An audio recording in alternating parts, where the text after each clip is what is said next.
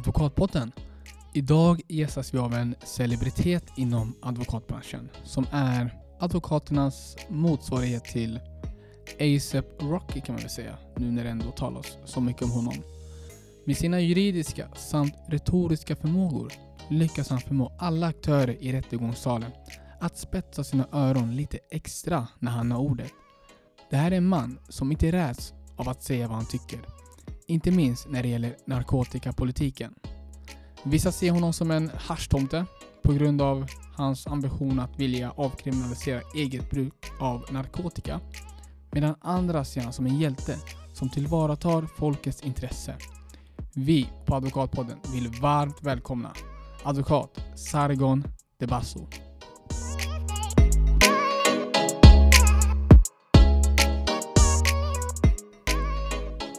Varmt välkommen till Advokatpodden Sargon de Basso. Tack. Jäkligt roligt att ha dig här. Idag så ska vi prata om eh, knark, eller rättare sagt eh, avkriminalisering av eh, eget, eget bruk av narkotika. Jag måste vara ärlig och säga att jag har inte så bra koll vad gäller narkotikabrott och narkotikapolitik och allt vad det nu är. Men eh, jag har ju försökt eh, bekanta mig med ämnet eh, för dagens avsnitt och försökt lära mig vad CBD-olja innebär och vad THC är och etc. Vi ska gå in på de begreppen senare också. Men jag har ju följt dig på Facebook ett bra tag, följt dig i några år och jag ser ju att du är väldigt engagerad i narkotikapolitikfrågan och att du lägger ut massor med inlägg där du skriver avkriminalisering av eget bruk av narkotika. Och jag måste vara ärlig och säga att jag blev först väldigt provocerad när jag såg de här inläggen. Jag tänkte, fan, har han tappat det? Är det någon form av PR-trick här? Men sen när jag gick in på vissa artiklar som du har skrivit med några av dina kollegor, så insåg jag att ja, men, de argumenten som ni för är eh, ganska logiska. Och att ni har en poäng med hur ni tycker. Så min första fråga till dig är, varför brinner du så mycket för just det här med narkotikapolitiken och avkriminalisering av eget bruk? Ja, men bra fråga. Jag, eh, man kan väl säga så att jag offentligt började engagera mig i frågan kanske två, två och ett halvt år sedan. Eh, det var en ganska spontan grej faktiskt. Jag eh, gjorde ett YouTube-klipp som jag la upp som rörde medicinsk cannabis. Eh, det var en eh, artikel i Dagens Nyheter där en överläkare på en smärtklinik, Claes Hultling, skulle göra en studie i Sverige om eh, hur medicinsk cannabis skulle kunna få effekter för smärtpatienter. Jag gjorde ett litet inlägg om det där och det blev ju ett jäkla liv efter det. För att ingen advokat hade ju på något sätt tagit ordet cannabis i mun och sen följt det med en tanke som rör en legalisering. Va? Så att det, det där var startskottet och det som hände efteråt det var ju att jag möttes av en liten folkrörelse skulle man kunna säga på nätet som kom till mig och eh, pratade om de här frågorna. Och i takt med att jag liksom försökte sätta mig in i frågorna mer och mer så har det ju hänt så mycket i världen. Alltså hela USA har genomgått en legaliseringsprocess. Kanada har genomgått en legaliseringsprocess. Det går en grön våg över hela västvärlden kan man säga. Och idag är jag fast eh, övertygad om att det vi håller på med och pratar om avkriminalisering, harm reduction, alltså det här med skademinimering. Det är framtiden som Sverige måste gå. För att den eh, drogpolitik som vi håller på med i Sverige, den är oerhört skadlig och den offrar liv också. Det är mitt påstående. Du pratar ju om legalisering och avkriminalisering. Eh, för de som inte förstår skillnaden där, vad, vad innebär det? Precis, och det, det är nog viktigt att vara tydlig med, med den skillnaden. Legalisering, det betyder i praktiken att man reglerar det inom ramen för oftast eh, har staten ett ansvar. Ungefär som Systembolaget och alkohol. Det är en legalisering. Det är legalt men det är staten som sköter försäljningen. Och sen kan man få tillstånd med statens försorg, va? ett alkoholtillstånd att sälja inom vissa ramar på restaurang. De som förespråkar en legalisering, de vill oftast få in cannabis på ungefär motsvarande Systembolagets hyllor. Va? Det är det som är deras tanke. Jag är inte där. Jag är ingen förespråkare av legalisering av cannabis eller någon annan drog. Däremot så är jag för en avkriminalisering. Och det innebär att det du eller jag har i kroppen i form av olagliga substanser, det ska inte vara kriminaliserat. Det ska inte vara brottsligt att ha de sakerna i kroppen eller mindre mängder för eget bruk, alltså innehav. Men det ska fortsätta vara brottsligt att producera, smuggla, sälja, överlåta på annat sätt. Så att det är det som är skillnaden. Du är ju även engagerad i en förening som heter Föreningen Tryggare Ruspolitik. Vad är din roll i den här föreningen och vad är målet? Just nu är, jag var med och grundade föreningen och eh, vi utgår, vi är en systersförening till en norsk förlaga kan man säga. Så den finns i, i Norge också och har rönt stora framgångar i sitt arbete med att få igenom avkriminaliseringen i Norge och skademinimering också. Så att eh, nor nor norskorna och norrmännen kom till Sverige och ville ha en motsvarande variant här. Jag blev kontaktad och vi grundade den här föreningen. Och tanken är att driva den här frågan. Alltså gentemot politiker, opinionsbildande och liksom det, det breda civilsamhället helt enkelt. Men varför är det så viktigt att just avkriminalisera eget bruk av narkotika och cannabis och allt vad det nu är? För att är det inte, ska, skadar det inte individen och leder till ännu mer missbruk? Ja, och det, och det är precis det läget vi har. Vi har ett strängt förbud i Sverige. Man kan väl säga att Sverige har de strängaste narkotikalagarna som finns i västvärlden. Och det vi vet av det här förbudet, det är att vi har Europas näst högsta narkotikarelaterade dödlighet i just Sverige. Det är bara Estland som har mer än vad vi har i Sverige. Så att eh, vår drogpolitik har alldeles uppenbarligen misslyckats. Människor dör som flugor i Sverige. De dör mer av narkotika än vad de gör i trafiken. Eller väldigt många andra orsaker. Och då får man ju ställa sig själv frågan, var det så lyckat med det här förbudet? Eller inte? Och mitt påstående är att det inte är det. För att det här förbudet får effekter för den enskilde personen som lider av ett missbruk. En person som lider av ett missbruk är i behov av vård. Den människan kan inte du straffa till att få ett sundare leverne. Det är inte så det går till. Och det vi, vår metod är alltså the Swedish way, nolltoleransen eller kalla det vad du vill. Det är att man letar upp den här missbrukaren, sätter stämpeln på den personen att du är kriminell. Man ser till att personen döms för brott. Man ser till att personen kanske blir av med körkort, blir av med arbete, blir av med bostad i vissa fall, blir av med sin familj. Man drar undan fötterna fullkomligt från den här människan och den här människan liksom klappar ihop. Och mitt, mitt sätt att se på det hela det är att ser man en människa med ett missbruksproblem så är det min uppfattning att den människan ska ha vård.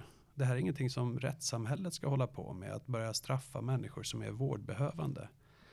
Lyft över den människan till vården och se till att hjälpa den människan istället för att skälpa den människan på det sättet som man gör idag. Du pratar om att det är en grön våg som kommer över hela Europa.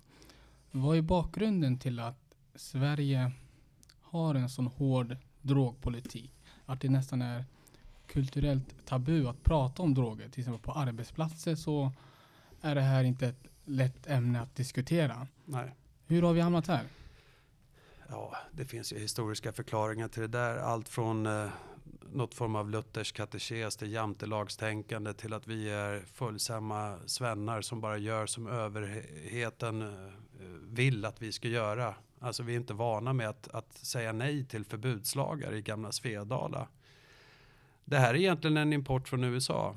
En gång i tiden så ville USA eh, genomdriva den här politiken och sen har det här smittat av sig till övriga västvärlden kan man säga. Och eh, i Sverige har det funnits en ganska stark förbudsrörelse och nykterhetsrörelse. Och de har lyckats sätta skräck i hela befolkningen. Med, olik, eh, alltså med, med regelrätt propaganda. Va? Så att det är väldigt mycket så här, men tänk på barnen och vad ska hända med dem? Och den typen av retorik. Tar du ett blås cannabis så, så vaknar du upp dagen efter på, på plattan som heroinist och alla får de psykoser. Och, Eh, de som tycker på ett visst sätt är ju alla knarkliberaler och haschtomtar. Och det där har vi ju hört. Och, men sen har det hänt någonting på vägen. Och det som har hänt är att människor liksom får upp ögonen för, för den här frågan i takt med att internationella samfund, FN, säger, rekommenderar ju idag att länder ska avkriminalisera. Så att det, det är en helt ny verklighet. va. Den där skrämselpropagandan biter inte lika väl idag som den gjorde kanske för 20 år sedan. Men när jag tänker tillbaka, när jag gick i gymnasiet och vi hade lektioner om droger och liknande. Då sa man väldigt ofta att cannabis och alkohol är porten till tyngre droger. Mm. Så börjar ni lite så blir det värre. Mm. Så börja inte alls. Ja. Eh, Ifall man avkriminaliserar cannabis, finns det inte en möjlighet att denna port öppnas för många ungdomar i Sverige? Mm, det, det, där, det är den så kallade gateway-teorin. Och det var inte bara när du som är väldigt mycket yngre än vad jag är. Även när jag gick på mellanstadiet så kom det någon eh, så kallad eh, expert av något slag och förklarade för oss att den där gateway-teorin var sanning. Det där har nog den, det finns nog en ganska bred enighet idag inom forskarvärlden om att den inte stämmer. Va? Det är inte cannabis som är inkörsporten till heroin. Vi, vi ser idag till exempel att människor som håller på med kokain, de har aldrig hållit på, en, inte ens med alkohol i vissa fall. Utan går rakt på det pulvret. Va? Uh, är det kanske tobak som var det första uh, och inte alkohol?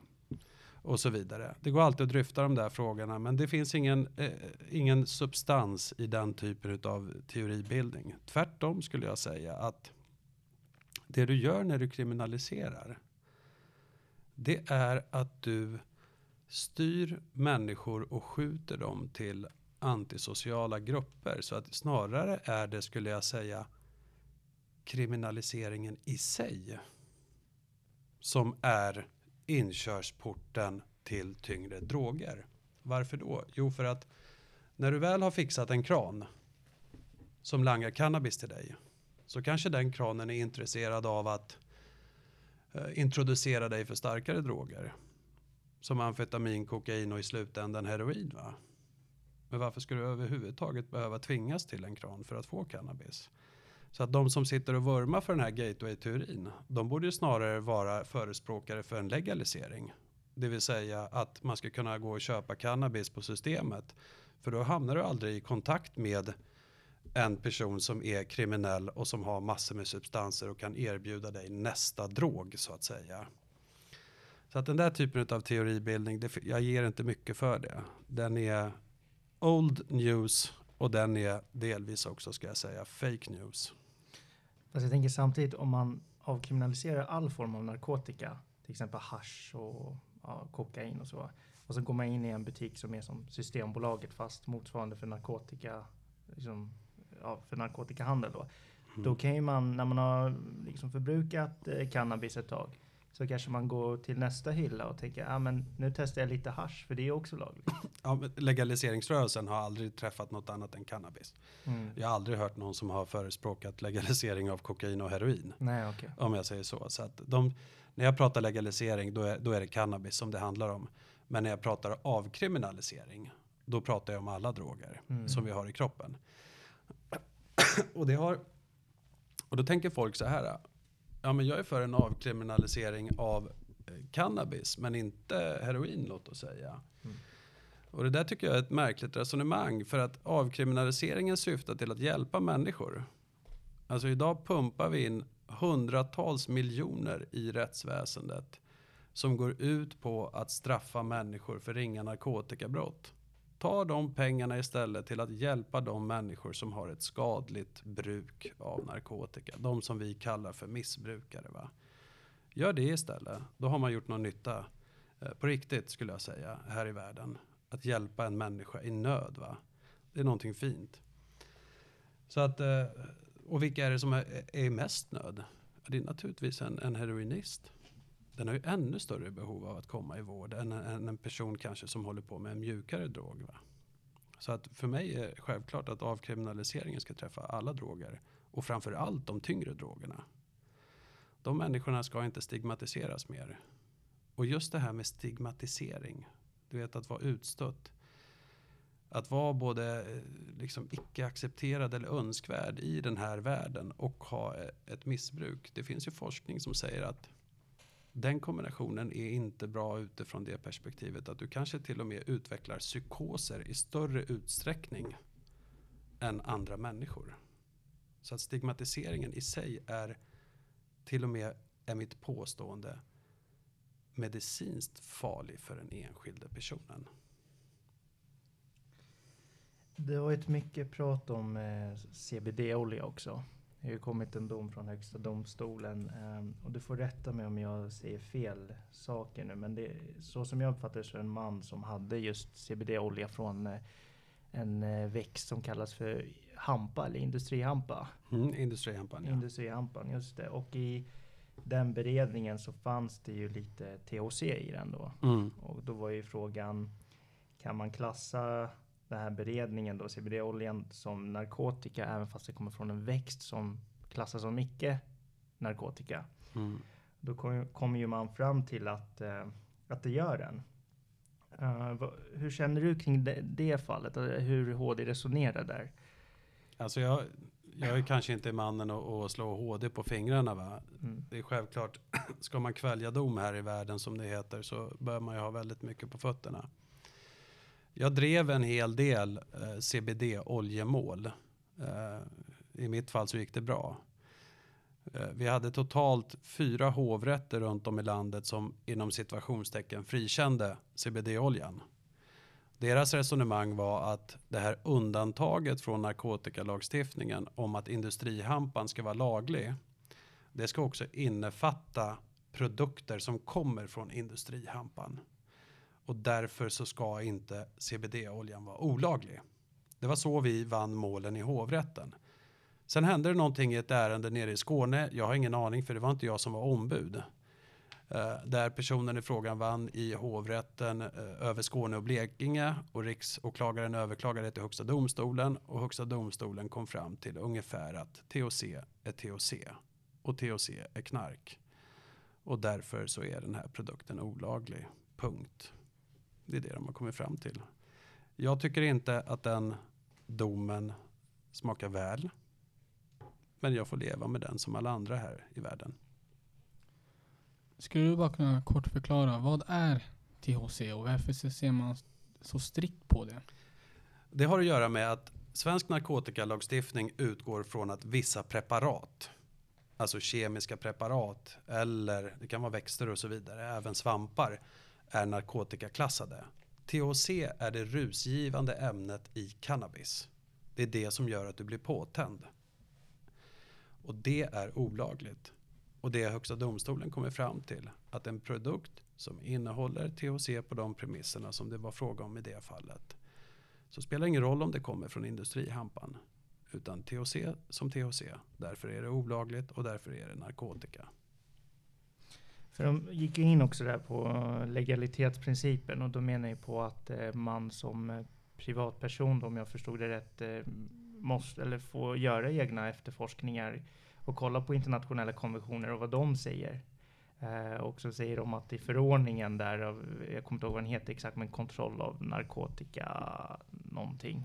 Ja, att där så står det bara att eh, undantaget från cannabis är just industrihampa. Det står inte att man får ha THC i beredningen. Mm. Men jag personligen, när jag läste den förordningen och bilagan i den förordningen, kände Mm. inte att den tydliggjorde för liksom, privatpersoner eh, att det inte är okej att ha THC i en beredning. Mm. Vad anser du kring det? Kring Nej, den men- frågan? Ja men precis. Och det, och det var ju just skillnaden mellan hovrätternas bedömning och Högsta domstolen. Hovrätterna tycker ju att det här det blir för diffust om det här undantaget med industrihampan bara ska, ska träffa den plantan och sen lite kringliggande produkter. Det måste även få träffa eh, produkter runt omkring. Till exempel som den här beredningen i form av eh, oljan. Va?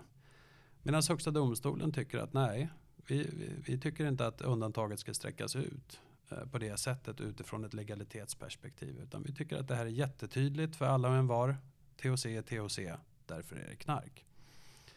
Så att där går ju skiljelinjen eh, i, i det fallet. Och Högsta domstolen gjorde att,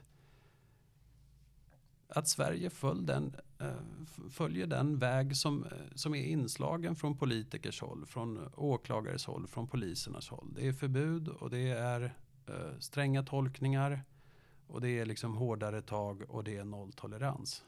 Och jag tror inte på den vägen. Inte någonstans. Nolltolerans är en utopi. Vi kommer aldrig hamna i ett samhälle där människan inte vänder sig till rusmedel när man mår dåligt eller vill fästa till och så vidare. Vi ska inte ha nolltolerans och springa och jaga människor för att pissa av dem som det heter. För att se om de har THC i kroppen och försöka sätta dit dem hela tiden. Vi ska ha nolltolerans mot dödlighet. Det är något helt annat. Inte mot rusmedel i sig. Utan vi ska ha nolltolerans mot att människor knarkar, blir missbrukare, hamnar i sociala problem, i misär och till slut dör. Det är sånt vi ska fokusera på. Men hur ska man hjälpa de här människorna som hamnar i missbruk? Är det genom sjukvården då du tänker? Det är genom sjukvården. Och jag kan väl säga så här, när jag började då för två och ett halvt år sedan och dryfta de här frågorna offentligt. Eh, så var det lite precis som det här eh, du var inne på i början om att första gången jag läste eh, på din Facebook så tänkte jag vad fan håller han på med va? Och det där fick jag höra nästan varje dag. Jag fick ju mejl och meddelanden i kommentarsfält och så vidare om att jag var haschtomte och drogliberal och det ena med det tredje. För så var tongångarna. Men det är inte så längre. Det har hänt någonting i Sverige det senaste året och det har hänt någonting även i finrummet det senaste året. Vi ska inte glömma bort det. Idag är det mycket mer accepterat att prata om avkriminalisering än vad det var bara för ett år sedan. Det är mitt påstående. Ann Ramberg var ju med på SVT för ett tag sedan och hon tyckte ju också precis som jag att den här frågan om, om eh, missbruk och eget intag, det hör inte hemma i rättsväsendet. Det hör hemma i sjukvården. Och hon är ändå generalsekreterare för Advokatsamfundet. Vi ska komma ihåg att Sveriges kommuner och landsting som är en stark eh, organisation har krävt av riksdagen att de ska lyfta och utvärdera svensk drogpolitik. Just med utgångspunkt för det här egna bruket. Va? Så att det händer saker, även i finrummet. Så det är inte bara vi gräsrötter som bråkar om de här sakerna. I sjukvården så använder man ganska tunga droger när man ska medicinera patienter. Och eh, det här motståndet som du har mött.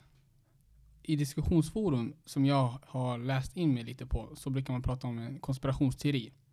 Att det är läkemedelsföretagen som lobbar för att inte ge cannabisen en plats i det här finrummet bland läkemedel.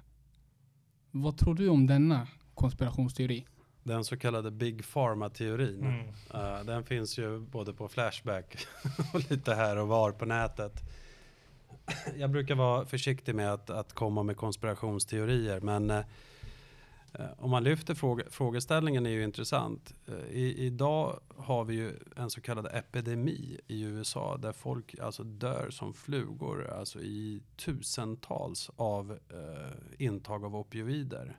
Och det här är opioider som har framställts av läkemedelsbolag som har pumpats ut till folket, både på den vita och den svarta marknaden, som har gjort att det har orsakat oerhörd skada Eh, i USA. Och, och ur det där har det ju kommit fram också diskussioner och i takt med att det, det sker mer och mer forskning om cannabis medicinska effekter så brukar man ju prata om, eh, om, om cannabis då i, i något fall kan ersätta opioider eh, som ett lindrigare alternativ för till exempel smärtlindring i olika sammanhang och så vidare. Jag är ingen supermedicinare, det måste jag vara ärlig och säga. Så att, eh, det där lämnar jag nästan över till forskningen om hur man ska ordinera saker och ting och hur man ska medicinera. Jag vill inte gå in på det. Eh, beträffande Big Pharma-teorin. Ja, vad ska jag säga? Eh, jag vet inte i, i vad mån det finns någon så här underliggande lobbying och så vidare. Men jag kan ge ett konkret exempel. När vi drev de här CBD-målen en gång i tiden så var det på det sättet att det var två myndigheter faktiskt som angrep CBD-företagen samtidigt.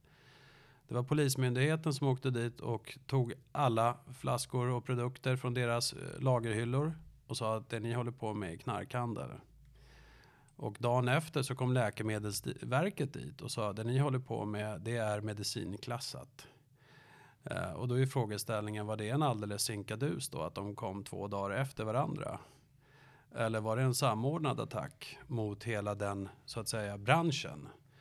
Jag låter det vara osagt, det får väl lyssnarna själva eh, lista ut eller tänka eh, hur det är med den saken. Men eh, det finns ju missförhållanden i läkemedelsbranschen och det, det, det där har varit en fråga i många år huruvida läkemedelsbolag till exempel ger vissa förmåner till läkare för att öka utskrivningsfrekvensen med vissa mediciner. Det finns även eh, befogad kritik gentemot Läkemedelsverket om hur de finansierar sin verksamhet. De tar ut avgifter från läkemedelsbolag och så vidare. Så att eh, jag vill inte gå så långt som att jag pratar Big Pharma. Men det finns skit i den branschen också och det måste man kunna prata om. Ungefär så ser jag på det. Jag tänkte föra ett resonemang nu, så får vi se om du köper det. Jag tänker att eh, det leder till större klassklyftor när man eh, har det på det sättet som man har i, idag. Att man eh, dömer eh, egenbrukare då av narkotika. För jag tänker att, låt oss säga, det, det hamnar ju oftast på dagsböter.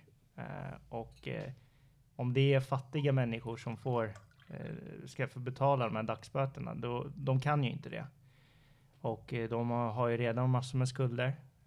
Men det leder till att de hamnar i en, alltså ännu mer skulder och det blir, det, det, det blir ohållbart och de kan inte ko- komma ut från de här skulderna. Medan om det är någon som har det ganska gott ställt, han eller hon kan ju ändå betala för de här dagsböterna och ändå gå vidare med sitt liv. Mm. Eh, hur tänker du kring det resonemanget? Alltså, du, du har ju rätt. I flera bemärkelser. Kan vi börja med hur rättstillämpningen går till. Och det finns det ju forskning i Sverige som säger.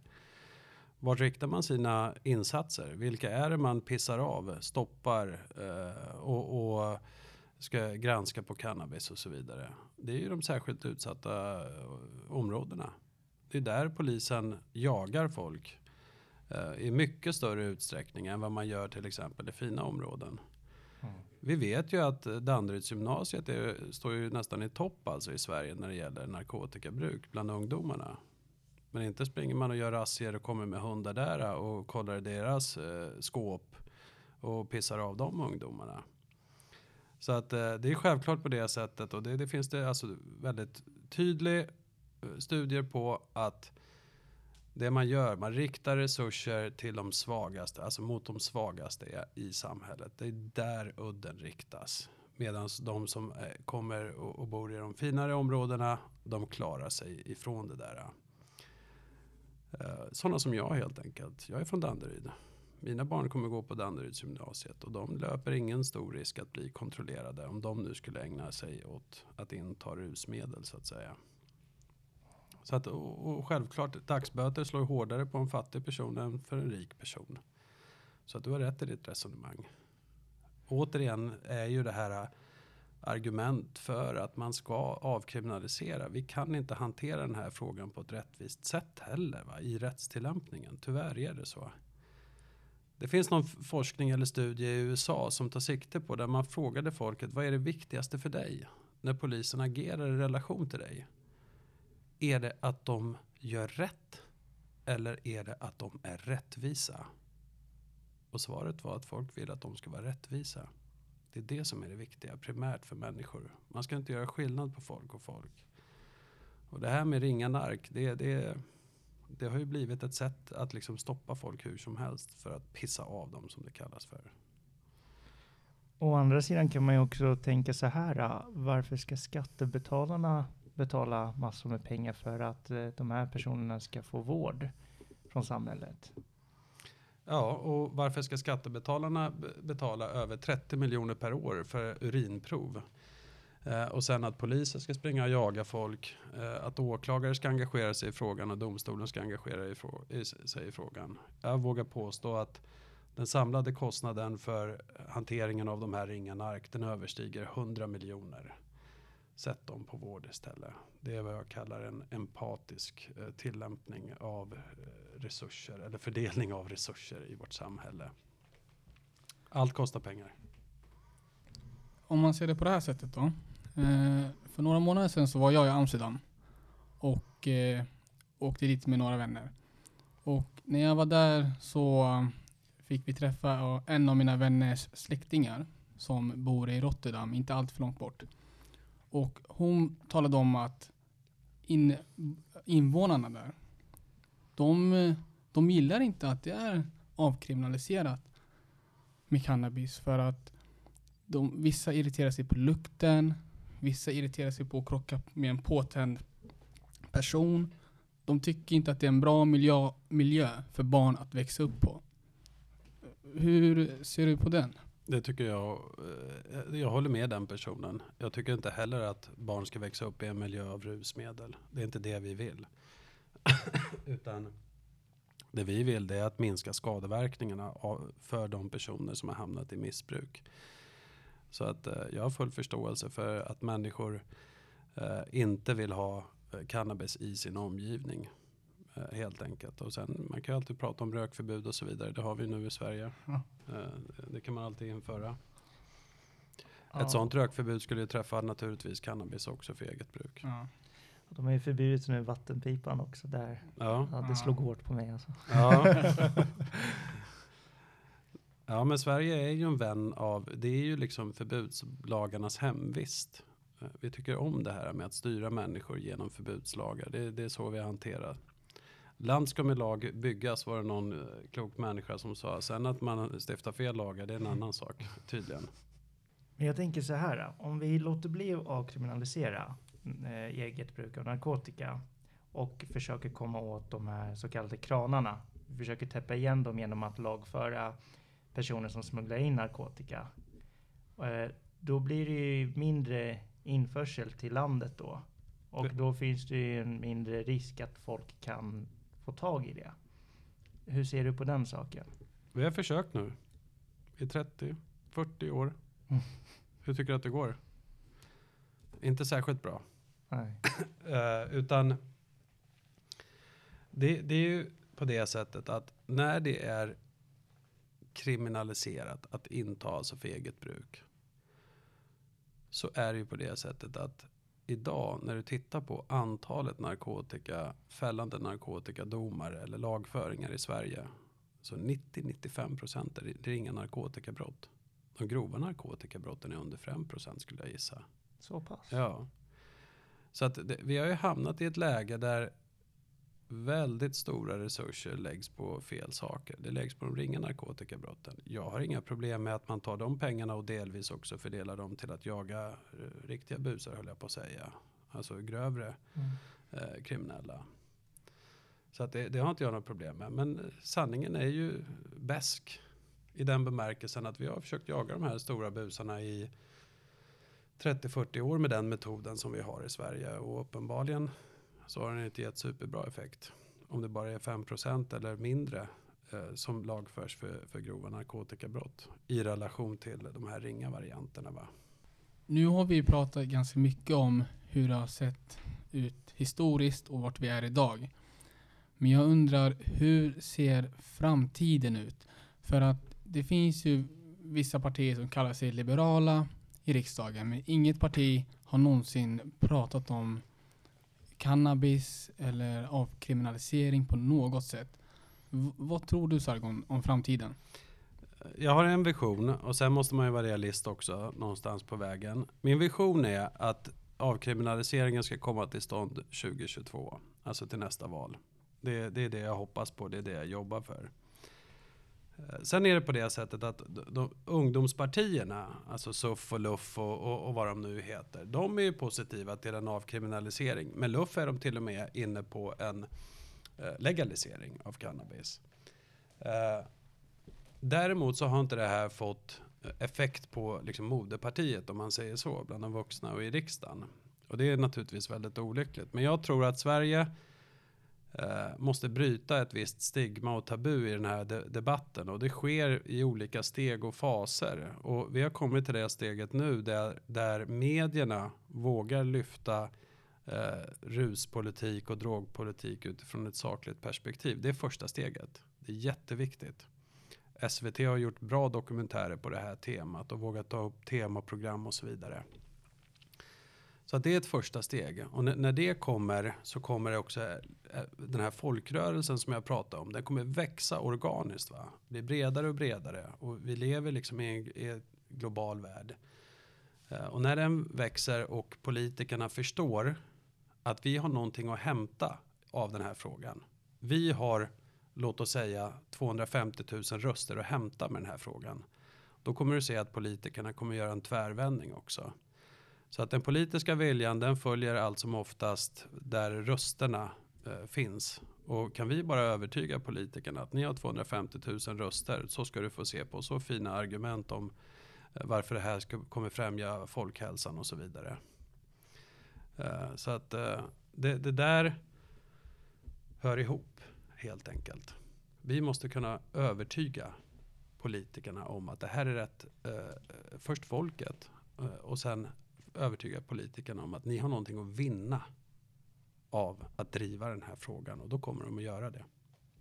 Hur är stödet då bland dina kollegor då, inom advokatbranschen? I början var det skralt. Mm. Nu är det bättre nu är det bättre. Eh, nu har vi då inom ramen för alltså ett nätverk kring den här föreningen som jag pratade om, alltså Tryggare ruspolitik, så är vi 35 stycken advokater, jurister och juriststudenter idag som finns uppskrivna på en lista och vi blir fler och fler. Så att eh, framtiden är vår. Bland domare och åklagare då? Har du koll på det? Advokater är ju lite friare i sin roll. Vi kan ju Eh, uttrycka sådana här saker utan att det blir någon större katastrof. Mm. Eh, jag tror att det finns ett jättestort mörkertal. Det finns ett mörkertal bland åklagare, bland poliser framför allt. Tror jag att det finns. Ja, det är helt övertygad om. Det vet jag till och med. Det är mm. poliser som i, i, i smyg hör av sig till mig och säger att, att det jag håller på med är bra, va? att de står bakom det. Mm. Uh, det finns poliser, det finns åklagare vet jag definitivt som tycker samma sak också. Eh, men det handlar ju om att, och domare, domare ska vi inte underskatta i det här sammanhanget. Men de kan ju inte gå ut och, och kommunicera det här på det sättet som jag gör, va? tyvärr. Nej. Och sen kanske det tar emot lite. Jag menar, tänk att du har jobbat som åklagare och du har liksom jagat folk och så vidare. Det blir ju i någon mening kanske att man blir färgad av sin egen liksom, livsgärning. och, sen, eh, och sen också att man känner att ah, fan, det tar emot att, eh, att helt enkelt eh, komma fram till att eh, det kanske inte var så jävla fruktbart det jag ägnar mig åt i vissa fall eh, ändå. Så att det, där finns det kanske något form av inre confirmation bias variant av det hela som, som påverkar åsikterna. Men det finns folk i alla led bland alla jurister runt om i det här samhället som är av exakt samma åsikt som jag. Du får vara offret då. Du får ta, ta allt skit då. Ja, precis. ja, det var ju så i början, men nu ska jag inte spela någon martyr längre. För att, eh, det är lite mer kosher idag att prata om de här sakerna. Ja, det är jättesällan faktiskt som jag får glåpord nu för tiden. Mm. Tvärtom, alltså det, man får ju också ställa det okej okay att man står på en eller två personers eller x antal personers shitlist. Va? Men du får ju ställa det i relation också till eh, all uppmuntran som du får. Mm. Och det är ju liksom hundra gånger mer. Mm. Eh, så att eh, i, i, det perspektivet så är det ingen större uppoffring det jag ägnar mig åt. Jag tycker bara att det är synd att man lyfter inte kriminaliseringens påverkan så jättemycket på juristprogrammet. I alla fall vad jag tänker. Nej, alltså, vi har aldrig pratat om det. Nej, vi... verkligen inte. Och eh, det, det kan ju skapa viss eh, stigmatisering. Mm. Ja, och, och, varför då? Jo, för att vi är ju inte stöpta till att tänka fritt heller. Alltså vi är ju satta att följa lagar och regler. Eh, på Kriminologinstitutet på Stockholms universitet kan jag lova dig att den här debatten går hur varm som helst. Va? För att man forskar på det här området och, och De delade ju ut, kriminologpriset i år gick ju till Schweiz för detta inrikesminister Dreyfus för att eh, hon genom att dela ut heroin gratis till heroin, eh, heroinister Oj, minskade dödligheten i Schweiz med 50 procent så pass? Ja, så att hon, hon fick ju kriminologpriset, alltså Stockholms kriminologpris, eh, i år eh, för den saken. Så att de har ju den debatten. Eh, men vi jurister är inte satta eller utbildade att tänka fritt kring lagar och förordningar, utan vi är satta att tillämpa och följa det vi blir sagda att göra. Och vi är ett följsamt släkte. Eh, så att eh, det är därför det blev, tror jag också, som, som en grej. Va? va? Är det en advokat som säger på det här sättet? Det, var- det var därför jag tror att så många människor blir tagna på sängen. Va? Ja, det är därför jag blev faktiskt provocerad också. Ja. Jag, jag, jag var, fan, vad, vad är det här för snack nu alltså? Mm. men, eh, nej men det är, det är som du säger att det, är- det är mer okej nu att prata om det. Mm. Det är inte lika mycket tabubelagt. Alltså, det är egentligen inte en grej överhuvudtaget. Alltså om Mm. du sätter dig med en människa och förklarar vad det är jag menar. Mm. Så den personen förstår ju vad det, är, vad det är man menar. Och den personen kan ju också googla och kolla på nätet. Den personen vet ju vad det är som händer i Kanada. Det är ju ett samhälle som liknar Sverige väldigt mycket. Mm. Och de har ju till och med gått så långt att de har legaliserat cannabis för guds skull. Så att det, det är inte så främmande. Norge är ju inne på att avkriminalisera. De kommer ju göra det när som helst. Och Portugal gjorde ju 2001 om jag minns rätt. Ja, och, och de lyckades ju i den bemärkelsen att de gick ju från att vara toppen när det gäller narkotikarelaterad dödlighet till botten. Mm. Men vi är fortfarande där i toppen. Och det är, det är en skam för Sverige att vi är där. För att det är, det är på liv och död. Det är ingen lek. Kan inte du bli politiker så kan man rösta på dig. Ja, jag har inga politiska ambitioner. Men jag har en kollega som brukar köra samma harang. Du är inte ensam. men om, om, vi testar dina gissningskunskaper. Ja. Vilket eh, parti blir först att fiska rösterna? Vänstern eller SD? Vänstern eller SD? Två olika partier som är helt emot varandra vad gäller Mm. alla frågor. Ja, det, det är ytterligheterna. Ytterligheterna? Ja. Jag tror att det är någon av de två partierna. Vänstern tror jag nog ligger närmast till hands. Eh, De är lite inne faktiskt på eh, avkriminalisering för eget bruk i den bemärkelsen att det du har i kroppen, va? men inte ett ringa innehav. Så jag skulle säga vänstern i första hand. Sen tror jag att SD är ett, eh, ett ytterlighetsparti på, på andra kanten om man säger så. Men eh, de är ju i och för sig konservativa så att de borde Ja. inte vara ett parti som är liberala i det här hänseendet. Men jag tar det som en dark horse på andra plats. Mm. Eh, bara sådär att det, det, det skulle... You never know. You never know. Intressant ändå att du inte nämner Liberalerna som eh, första partiet med tanke på deras namn. Vi har inget parti i Sverige som är värda egentligen namnet liberaler. Alltså vi har inga riktiga liberaler i Sverige. Det där är någon etikett som de har satt på sig själva för att de vurmar för EU. Mm. Who cares? Alla vurmar för EU Mm. i svensk politik. Eh, Liberalerna är sprungen ur svensk nykterhetsrörelse. Det sitter i deras väggar. Deras ungdomar är i någon mån liberaler. Men deras eh, vuxna är i den bemärkelsen superkonservativa. Mm. Och du vet, det, det, det märkliga med politiken, och det, det är det här med att när vi någon gång på 80-talet, för att vi tror ju att det här med att det var kriminaliserat, det är någon form av jävla naturlag, tror människor, att det har varit så i alla tider. De, de liksom kan inte ta till sig att det här är ett politiskt beslut som någon gång i tiden har fattats. I Sverige är det på 80-talet. Jag levde när det blev kriminaliserat med eget bruk. Det är ett 80-talsfenomen i Sverige. Dessförinnan så var det inte det. Men innan kriminalisering, hur såg det ut med dödlighet och liknande? Har du koll på det? Jag tror att det är på 2000-talet, nu har jag inte den där kurvan framför mig va, men eh, den har ju inte sjunkit. Det, det är ju mitt påstående i vart fall. Den ligger stadigt omkring de senaste åren på någonstans mellan 800 till 1000 personer per år som dör i Sverige eh, till följd av narkotikarelaterad dödlighet. helt sjuka siffror. Ja, det är sjuka siffror. Och, och då ska man ju ha med sig, det är ju inte bara olagliga substanser, det är lagliga substanser också. Och hur många dör i trafiken då? Ja, det, jag har statistik på det, men jag tror inte att Betydligt det... mindre. Ja, betydligt mindre. Mm. Eller ställ det i relation till gängskjutningar och trafiken tillsammans. Nej. Ja, men jag vet inte. Vi kan väl ta någon Mm. statistik på det där. Hur många, i och med att det är en så het potatis i svensk kriminalpolitik. Mm. eh, Det här med gängskjutningar, eller hur? Mm. Så det är bara att plocka in den statistiken de senaste fem åren och ställ den i relation till narkotikarelaterad dödlighet på det här sättet. Eh, så har vi liksom massor med olika jämförelser och, och parametrar och så vidare.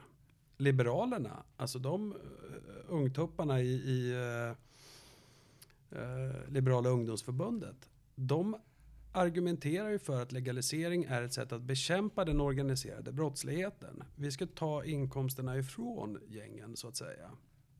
Det vet inte jag om det kommer att lyckas. Det finns, jag har ingen belägg eller någon forskning eller studie på det. Men sådana resonemang finns ju också för de som förespråkar en legalisering så att säga.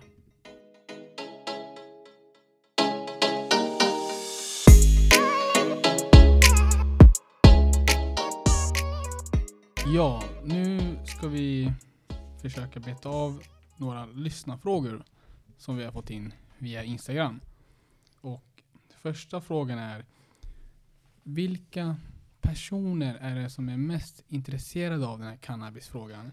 Är det medelålders män eller vilka personer är det som är bakom det här? Jag skulle säga sen jag har börjat diskutera ruspolitik och drogpolitik så ser man en väldigt tydlig tendens.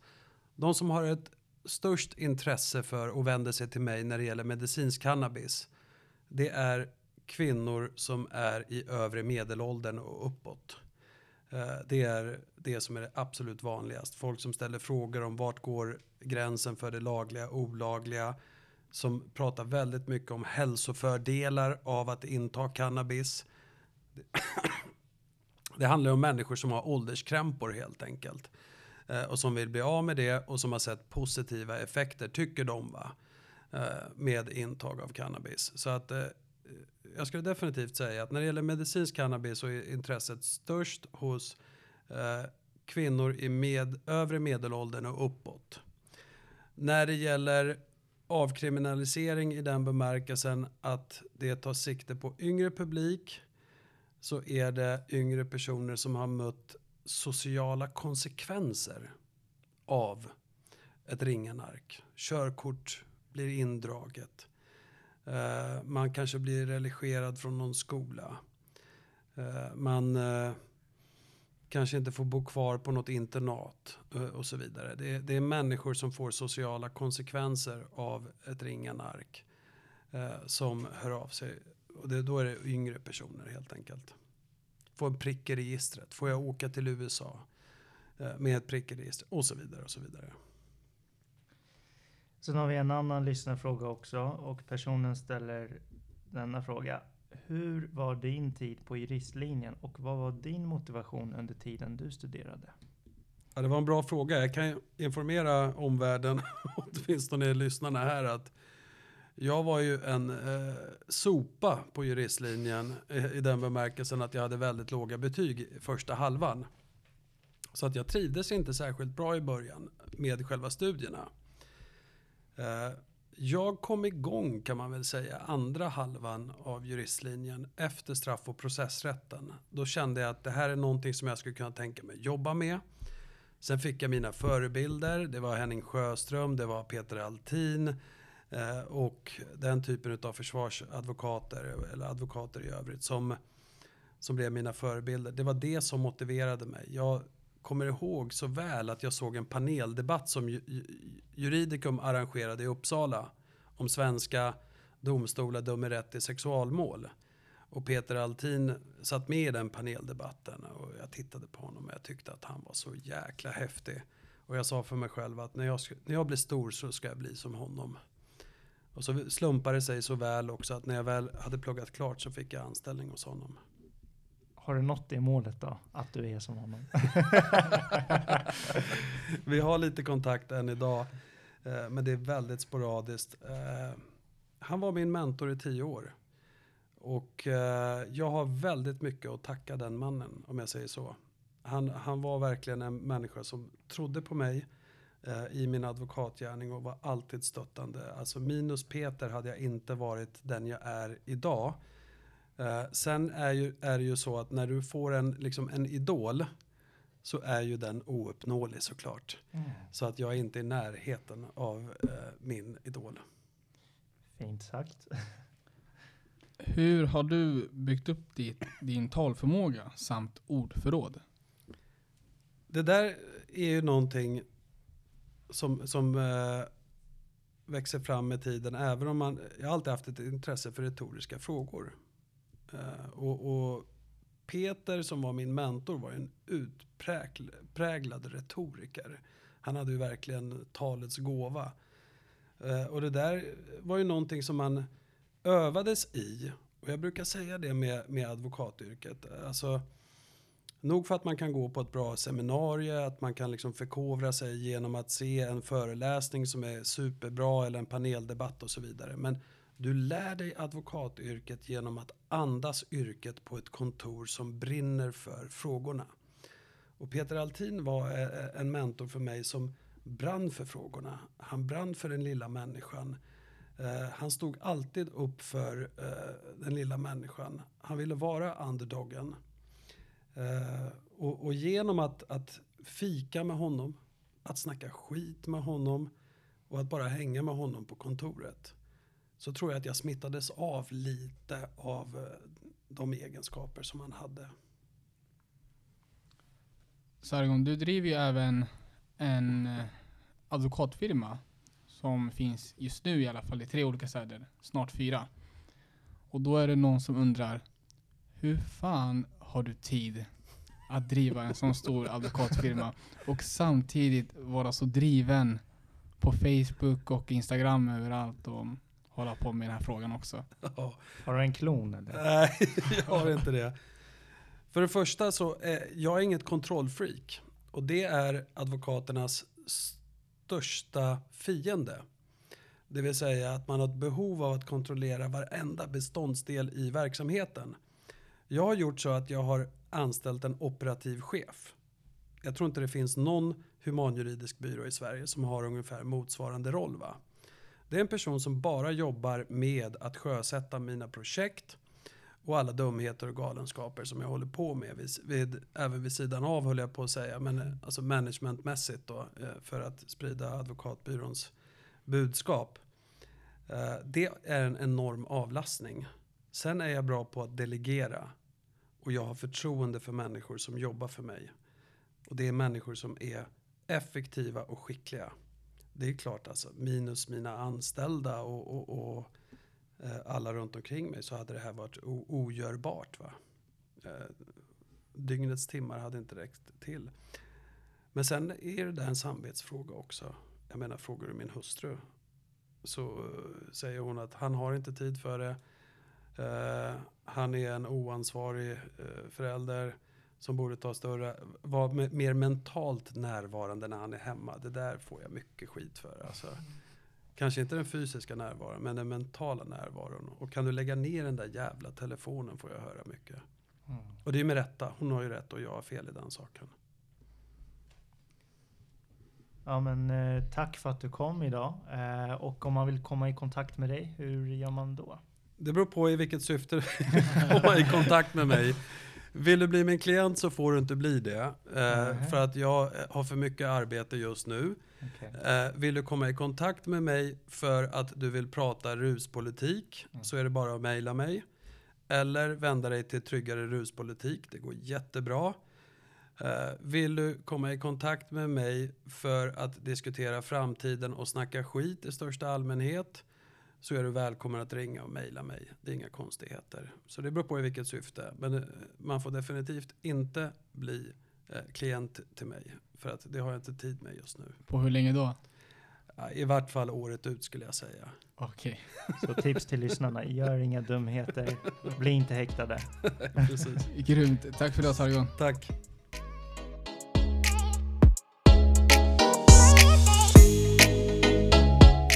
Elias, jag påstår att jag har blivit klokare nu vad gäller narkotikapolitiken. Hur känner du? Jag känner att jag har fått ett eh, helt nytt perspektiv i denna debatt. Ja, och jag känner faktiskt att lyssnarfrågorna som vi hade fått in, alltså folk har ju bättre koll än vad du och jag har i alla fall. Många hade jättebra koll och eh, jag hoppas ändå att vi har nått ut till många lyssnare som har fått ett eh, nytt perspektiv i debatten. Ja, men det hoppas jag också och eh, vi vill också rikta ett stort tack till alla positiva meddelanden som vi får för att eh, det motiverar oss verkligen.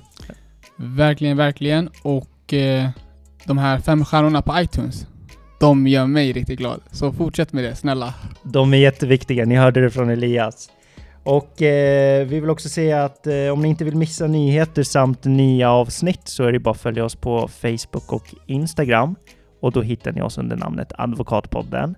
Sen eh, om du är en jurist eller advokat så kan du då skicka ett mail till oss på vår mailadress som är advokatpodden gmail.com. Hör av er och eh, tack för idag.